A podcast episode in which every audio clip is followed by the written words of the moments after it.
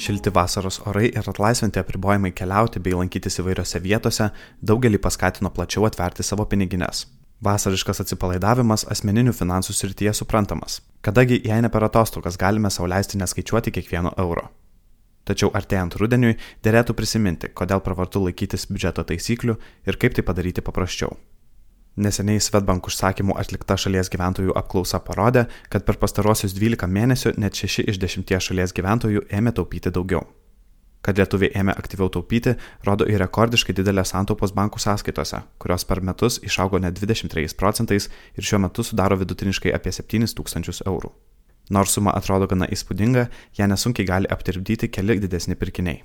Kita vertus, situacija sufleruoja, kad sukaupti rezervus daugeliui padėjo nesąmoningas pasirinkimas, bet tiesiog mažiau galimybių išlaidauti. Kaip rodo mūsų klientų apklausa, kasdienės išlaidas kryptingai seka 46 procentai gyventojų, kurie tam naudoja skaitmeninės priemonės ir kitus būdus. Likusi dalis žmonių pasikliauja biudžeto planavimu mintise arba apie tai visai negalvoja. Tai reiškia, kad biudžeto planavimą ir taupimą nemaža dalis gyventojų vykdo spontaniškai. Todėl per pandemiją išaugusi taupimo norma, sukauptos santaupos ir padidėjęs atsparumas finansiniams išbandymams gali būti laikinas. Ypač jei šią vasarą apėmęs finansinis silpnumas tęsis ir rudeniop. Geras metas pagalvoti, kas padėtų to išvengti. Verta atsiminti, kad taupimas nėra tikslas pats savaime. Sukaupus pakankamą finansinį rezervą, kuris padėtų padengti įsipareigojimus bei būtinas išlaidas bent 3 mėnesius, kitas santaupas jau drąsiai galima investuoti ilgalaikiams tikslams pasiekti. Tikslų gali būti įvairių įsigyti ar atsinaujinti būstą, išleisti vaikus į universitetą, sukaupti papildomų lėšų senatviai, nukeliauti į pasaulio kraštą. Turint aiškius tikslus, numatant jiems pasiekti reikalingą laiko tarpą, galima parinkti tinkamus investavimo būdus ir strategijas. Liūdna stebėti, kad vienai ar kitai kriziai ištikus lietuviai renkasi santaupas investuoti į nekilnojamą turtą. Antrus būstus, sodybas, tarsi tai būtų vienintelis kelias išlaikyti pinigų vertę. O juk nepasvertas investavimas į nekilnojamą turtą gali būti ir gana nuostolingas. Pamenate, pirmo karantino metu visiškai sustojus turizmui ir pramogoms, trumpalaikiai nuomai skirti būstai bei šventėms skirtos sodybos stovėjo tuščios, staiga iš investicijos tapusios nuostolių, nes išlaikyti juos teko ir negaunant pajamų.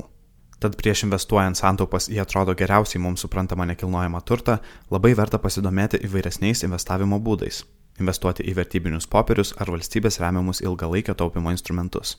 Bet grįžkime prie biudžeto, kurio pagalbos mums prireiks atostogų malonumams baigiantis. Kasdienių išlaidų sėkimas gali padėti susidaryti aiškesnį vaizdą apie pagrindinės mūsų išlaidų grupės ir kur turėtume pasispausti, o kur galėtume leisti savo daugiau. Tai viena iš naudų.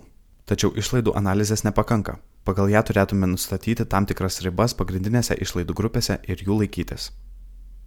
Viršijus tam tikros grupės išlaidų ribą tą mėnesį reikėtų susilaikyti nuo tolesnio išlaidavimo ar ieškoti alternatyvų.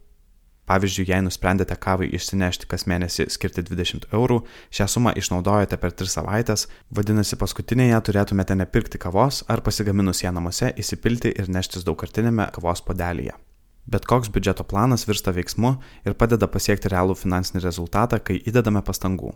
O nukreipti savo pastangas kur kas paprasčiau, kai tiksliai žinome kryptį. Jie gali aiškiai parodyti biudžeto planavimas ir tai yra pagrindinė jo nauda. Minėtoje Svetbank apklausoje 22 procentai respondentų nurodė, kad išlaidoms sekti jie renka čekius, naudoja skaičiuoklę Excel ar kitą jiems priimtiną būdą, o 24 procentai specialią programėlę išmaniajame telefone. Pastarasis būdas itin išpopuliarėjo per paskutinius keliarius metus, kai atsirado daugiau programėlių ir buvo išplėstos jų siūlomas galimybės.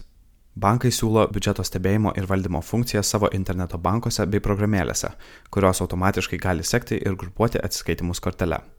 Biudžeto išlaidas taip pat galima vesti ir planuoti įvairiose nepriklausomose programėlėse, pavyzdžiui YNAB, Wallet, Monify ir kitose. Automatinis išlaidų sekimas gerokai palengvina visą asmeninio biudžeto valdymo procesą. Kad ir kokį biudžeto planavimo įrankį pasirinksite, svarbu, kad jis būtų patogus ir juo norėtumėte naudotis reguliariai. Biudžeto stebėjimas ir planavimas padės išsiugdyti finansinę drausmę, kuri leis paprasčiau ir daugiau sutaupyti bei greičiau pasiekti didesnių finansinių ir kitų svarbių gyvenimo tikslų. Komentarą paruošė Svetbank finansų instituto vadovė Juratė Cvilikienė. Įgarsino Kristijonas Vačiukauskas.